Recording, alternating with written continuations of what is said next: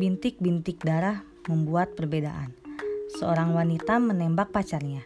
Dia pergi ke toko terdekat untuk mencari bantuan, dan dia meninggal dua jam kemudian di rumah sakit. Itu hanya berita dasar bagi Martha Miller, yang saat itu ia seorang reporter polisi. Tapi ketika dia pergi ke tempat kejadian, dia melihat bercak darah. Pertama, Miller mencari tahu, menghitung dan mengukur bercak darah. Dia menulis berita menyatakan bahwa wanita itu telah menembak dan membunuh pacarnya. Mengenai rasa keingintahuan, seorang reporter yang baik juga memiliki sifat yang Anda miliki di taman kanak-kanak, yakni rasa ingin tahu. Anda mungkin mendesak orang tua Anda dengan pertanyaan, "Apa itu? Mengapa? Kapan? Di mana? Bagaimana? Dan apa?"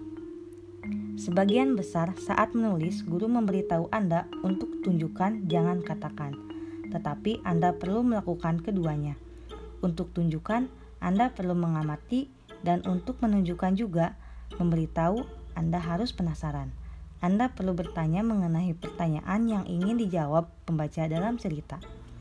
Pada hari konvergensi, ketika cerita Anda dapat dipublikasikan di beberapa media, Anda perlu mengamati dan melaporkan pemandangan dan suara untuk audio dan video. Bagaimana Anda tahu pertanyaan apa yang harus diajukan, apa yang harus diamati dan dilaporkan? Mari mulai dengan dasar-dasarnya. Yang pertama, mengenai siapa. Dapatkan nama lengkap orang yang terlibat, lengkap dengan inisial tengah dan selalu periksa ejaannya. Jika sumber Anda dikenal dengan nama panggilan, tulis nama lengkapnya pada referensi pertama dan masukkan nama panggilan di tanda kutip setelah nama pertama. Untuk televisi, nama sumbernya mungkin ditumpangkan di atas gambar di layar sehingga ejaan yang akurat sangat penting. Tanyakan sumber Anda, ia lebih suka ditampilkan seperti apa. Untuk cetakan dan web, gunakan nama lengkap pada referensi kedua kecuali untuk anak-anak. Yang kedua, apa?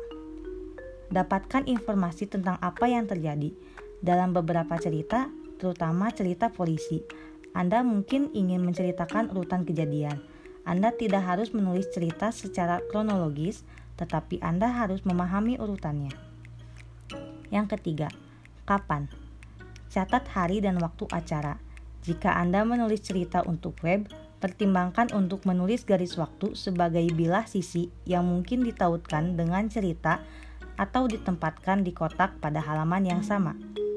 Keempat, di mana? Dapatkan lokasi. Jelaskan adegan itu. Anda mungkin harus memberi detail kenapa seniman grafis untuk peta lokasi. Jadi, kumpulkan detail spesifik tentang lokasi. Yang kelima, mengapa? Memahami apa yang menyebabkan acara tersebut, apa konfliknya, dan apa resolusinya jika ada. Yang keenam, bagaimana? Mencari lebih banyak informasi tentang apa yang terjadi. Bagaimana itu terjadi dalam urutan apa acara dibuka. Jadi apa? Apa dampak acara ini terdapat para peserta? Apa dampak pada pembaca? Apa yang membuat cerita ini bernilai berita atau signifikan? Jika Anda sedang menulis pertanyaan jejak pendapat untuk televisi atau web, apa yang Anda akan tanyakan kepada pembaca atau pemirsa? Sekarang, untuk pertanyaan yang lebih sulit, apa yang perlu diketahui pembaca untuk memahami dan peduli tentang cerita Anda? Anda tidak dapat menjelaskan acara kecuali Anda memahaminya sendiri, dan Anda tidak bisa memahaminya kecuali jika Anda menggali jawaban. Kuncinya adalah melepaskan keingintahuan Anda. Berikut adalah beberapa teknik untuk mengembangkan rasa ingin tahu Anda. Yang pertama, bermain peran. Tempatkan diri Anda dalam pembaca. Apa yang membuat cerita itu penting dan menarik? Jika Anda terpengaruh oleh cerita ini, apa yang ingin dan perlu Anda ketahui? Bayangkan Anda adalah seorang reporter untuk koran kampus Anda. Yang kedua, pengamatan penulis yang baik harus menjadi reporter yang baik, dan reporter yang baik mengamati dan mengumpulkan detail dengan semua indera mereka: penglihatan, suara, bau, dan kurang dari itu, rasa dan sentuhan. Anda dapat menggunakan kekuatan observasi Anda dalam cerita apa pun. Yang ketiga, teknik tampil beraksi. Jika Anda ingin pembaca memvisualisasikan sumber atau adegan Anda, salah satu teknik terbaik adalah menunjukkan orang yang sedang beraksi. Teknik ini lebih umum digunakan dalam cerita fitur dengan penulisan deskriptif. Tapi itu juga bisa digunakan dalam berita-berita kerasan atau untuk petunjuk lembut pada berita. Apa pun jenis ceritanya, Anda membutuhkan keterampilan pengamatan yang baik. Berikut adalah contoh dari teknik show in action. Di pohon palem di kampus Universitas Petersburg, Florida Selatan, seekor tupai mengunyah biji pohon. Beberapa kaki di bawah tiga siswa dengan tenang mengumpulkan peralatan mereka. Seseorang mengawasi tupai, seseorang mengatur kamera video, yang lain menyiapkan umpan, yakni tupai palsu dengan ekor robot. Jika ekornya cukup meyakinkan, tupai di pohon itu dapat mencoba berkomunikasi dengan robot di atas sana. Itu bisa memberikan petunjuk baru tentang apa artinya ketika seekor tupai memukul ekornya. Ini adalah penelitian yang dilakukan sepenuhnya oleh mahasiswa. Bagian dari filosofi baru di USF dan di universitas-universitas di seluruh negara. The Associated Press. Mengenai hard news dan soft news, Anda membutuhkan pengamatan yang baik untuk berita keras dan cerita fitur. Meskipun detail deskriptif berdasarkan pengamatan lebih umum dalam cerita fitur, anda dapat menggunakan teknik observasi yang sama dalam mengumpulkan informasi untuk berita keras, kisah-kisah tentang bencana cuaca, kebakaran, dan peristiwa-peristiwa lain di mana pemandangan itu sangat penting menunjukkan detail deskriptif berdasarkan pengamatan. Fakta versus opini. Anda perlu menggunakan observasi untuk mengumpulkan fakta dan detail tentang suatu kejadian tetapi Anda tidak boleh menggunakan pendapat Anda tentang apa yang Anda lihat. Dalam berita, semua pendapat, penilaian, dan tuduhan harus dikaitkan dengan sumber. Meskipun berita yang disiarkan bisa lebih bersifat pribadi, wartawan biasanya tidak menyebutkan diri mereka dalam berita kecuali jika mereka menanggapi pertanyaan dari pembawa berita. Pengamatan untuk menemukan pertanyaan gunakan pengamatan sebagai acara pelaporan, bukan hanya sebagai alat penulisan. Saat Anda mengamati tindakan atau detail di sebuah adegan, pertanyaan apa yang muncul pada Anda? Ketika mata Miller mengamati bercak darah, dia bertanya, tidak hanya seberapa besar mereka, tetapi juga berapa banyak dan berapa lama pria itu sampai ke toko dia tembak. Detail membuat perbedaan dalam pelaporan dan tulisan Anda. Pengamatan untuk presentasi visual ketika Anda berada di lokasi kecelakaan atau suatu peristiwa. Banyak pertanyaan pelaporan dasar kemungkinan muncul di benak Anda. Yang tak kalah penting adalah ide-ide untuk foto atau ilustrasi grafis yang bagus. Ketika Anda mengumpulkan informasi, Anda perlu melihat cerita Anda dan juga mendengarnya. Cara untuk menemukan ide cerita, konsep dasar untuk berita minat lokal, minat manusia, ketetapan waktu, peristiwa yang tidak biasa, konflik, selebritas, dampak peristiwa berita, dapat menghasilkan gagasan cerita. Acara berita nasional atau lokal yang besar mungkin layak untuk dijadikan cerita reaksi lokal. Jika Anda berada di kampus perguruan tinggi, Anda dikelilingi oleh para pakar di banyak bidang. Profesor dapat menjadi sumber yang baik untuk cerita nasional yang membutuhkan sudut pandang atau interpretasi lokal. Cara utama untuk mendapatkan ide cerita adalah untuk menghubungi sumber Anda secara teratur dan bertanya kepada mereka apa yang sedang terjadi di tempat kerja mereka. Cara lain untuk mendapatkan ide cerita adalah dengan memeriksa catatan terkait seperti dokumen pemerintah. Sumber ide potensial lainnya adalah kelompok minat khusus. Kelompok orang apa yang tidak mendapatkan banyak liputan di koran Anda? Apakah minoritas di kampus Anda memiliki kekhawatiran yang dapat menghasilkan berita? Masalah apa yang dimiliki penduduk lanjut usia di kota Anda? Apa kelompok perempuan di sekolah atau kota Anda memiliki masalah dan minat khusus yang akan menjadi ide bagus untuk berita? Apa kebutuhan para penyandang cacat? Apa veteran di komunitas Anda? Jika Anda menulis untuk surat kabar kampus, Anda dapat menemukan banyak orang untuk profil, termasuk profesor baru, pensiunan profesor atau karyawan kampus, dan anggota staf yang menyediakan fungsi penting di belakang layar. Baca surat kepada editor, blog, dan umpan balik di situs web. Anda bisa mendapatkan banyak ide cerita dari masalah dan reaksi yang diungkapkan orang melalui surat kabar editor di media cetak atau forum online menulis ulang siaran berita. Instansi pemerintah, organisasi di komunitas Anda, dan organisasi kampus mengeluarkan rilis berita tentang acara. Rilis berita ini sering mengandung ide untuk fitur. Jika Anda ditugaskan untuk membahas irama tertentu, minta sumber-sumber utama untuk mengirim Anda berita apa pun yang mereka terbitkan. Dalam beberapa kasus, Anda dapat berlangganan siaran berita organisasi menggunakan RSS, teknologi yang secara otomatis mengirim materi ke komputer Anda atau perangkat digital portable saat Anda berlangganan ke suatu situs. Banyak lembaga pemerintah telah menggunakan teknologi dengan menawarkan informasi media dalam bentuk cetak, audio, dan video. Internet telah memberikan pengaruh mendalam pada cara wartawan dan editor di semua media mengumpulkan gagasan cerita. Hampir semua situs media online memposting pertanyaan atau jajak pendapat umpan balik yang dilampirkan pada cerita atau masalah utama. Tanggapan ini dapat menghasilkan ide untuk cerita lanjutan.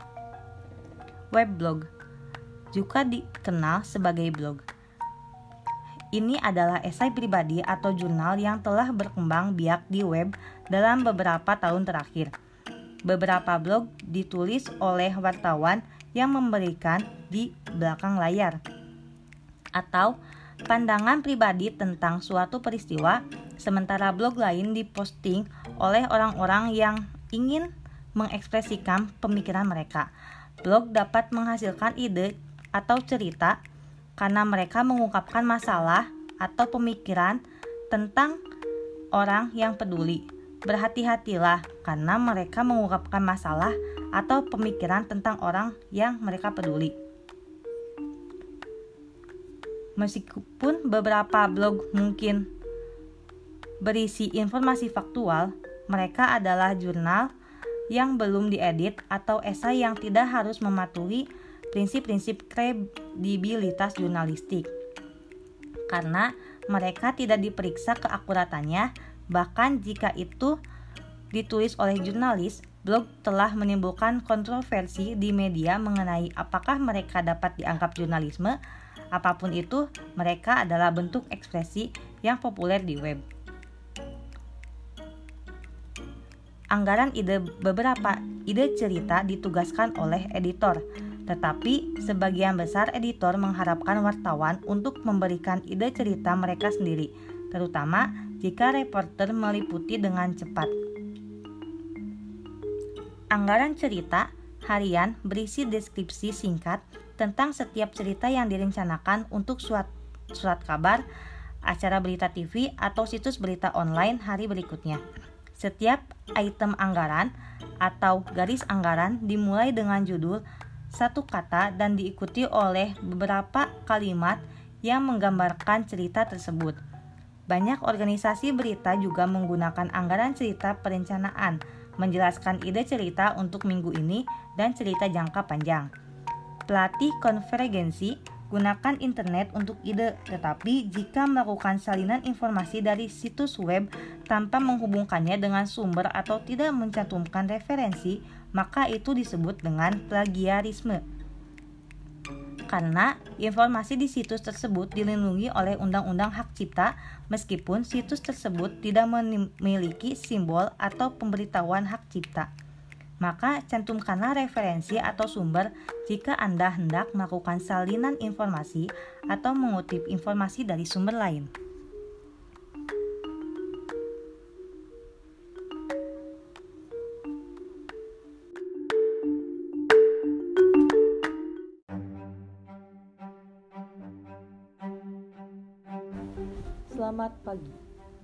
Lagi bersama saya Renita Wilde Hernanda yang akan memberikan berita terupdate dan teraktual yang terangkum dalam liputan terkini. Organisasi Kesehatan Dunia WHO menyatakan infeksi virus corona sebagai pandemi. Penyebaran virus ini dinilai sangat cepat sehingga pemerintah melakukan berbagai cara untuk menekan angka penyebaran. Pembatasan sosial berskala besar PSBB sebagai langkah percepatan penanganan penyebaran COVID-19. Peraturan Menteri Kesehatan Nomor 9 Tahun 2020 tentang pedoman PSBB merupakan kelanjutan dari Peraturan Pemerintah Nomor 21 Tahun 2020 tentang pembatasan sosial berskala besar. DKI akan melaksanakan PSBB sebagaimana digariskan oleh keputusan Menteri efektif mulai hari Jumat 10 April 2020. Hal ini disampaikan oleh Gubernur DKI Jakarta Anies Baswedan pada tanggal 7 April di Balai Kota DKI Jakarta, Jalan Medan Merdeka Selatan, Jakarta Pusat. Untuk pelaksanaan, rencananya akan ada penegakan hukum oleh aparat agar PSBB ditaati oleh seluruh warga. Anies sedang merumuskan aturan untuk teknis pelaksanaan PSBB. Anies berkata, bagi masyarakat Jakarta yang akan kita lakukan PSBB mulai tanggal 10, utamanya pada penegakan karena akan disusun peraturan yang peraturan ini punya kekuatan mengikat kepada warga untuk mengikuti. DKI Jakarta dinilai akan siap dengan diterapkannya PSBB karena sebenarnya secara prinsip PSBB telah dilakukan di Jakarta hanya berbeda karena adanya ketegasan dari peraturan tersebut. Pembatasan sosial berskala besar diharapkan mampu mengatasi penyebaran COVID-19 yang didasarkan pada pertimbangan epidemiologis, besarnya ancaman, efektivitas, dukungan sumber daya, teknis operasional, pertimbangan ekonomi, sosial, budaya, dan keamanan. Selama PSBB berlangsung, hanya ada 8 sektor yang diizinkan untuk buka dan beroperasi seperti biasa, yakni sektor kesehatan, sektor pangan, makanan dan minuman, sektor energi, sektor komunikasi, jasa dan media komunikasi, sektor keuangan dan perbankan termasuk pasar modal, sektor kegiatan logistik dan distribusi barang, sektor keseharian retail seperti warung, toko, kelontong, sektor industri strategis. Pembatasan ini diutamakan dalam sektor transportasi umum mulai dari pembatasan jam operasi mulai dari jam 6 pagi sampai dengan jam 6 sore dan pembatasan kapasitas penumpang hanya 50% dari biasanya yang berarti bahwa jika kapasitas bus sebanyak 50 orang hanya akan menjadi 25 orang per bus. Sekian yang dapat saya sampaikan. Terima kasih dan selamat pagi.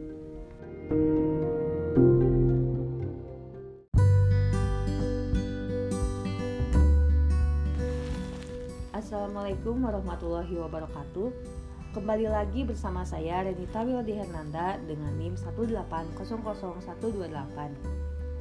Di sini saya akan menjelaskan mengenai berita yang akan saya sampaikan berkaitan dengan Sipik Ufair untuk memenuhi tugas mata kuliah jurnalisme PKN. Judul berita yang saya buat yakni tak perlu lagi adanya penolakan jenazah COVID-19. Kenapa saya mengambil judul ini? Karena berkaitan dengan nilai pri kemanusiaan sesuai dengan sila kedua Pancasila yakni kemanusiaan yang adil dan beradab.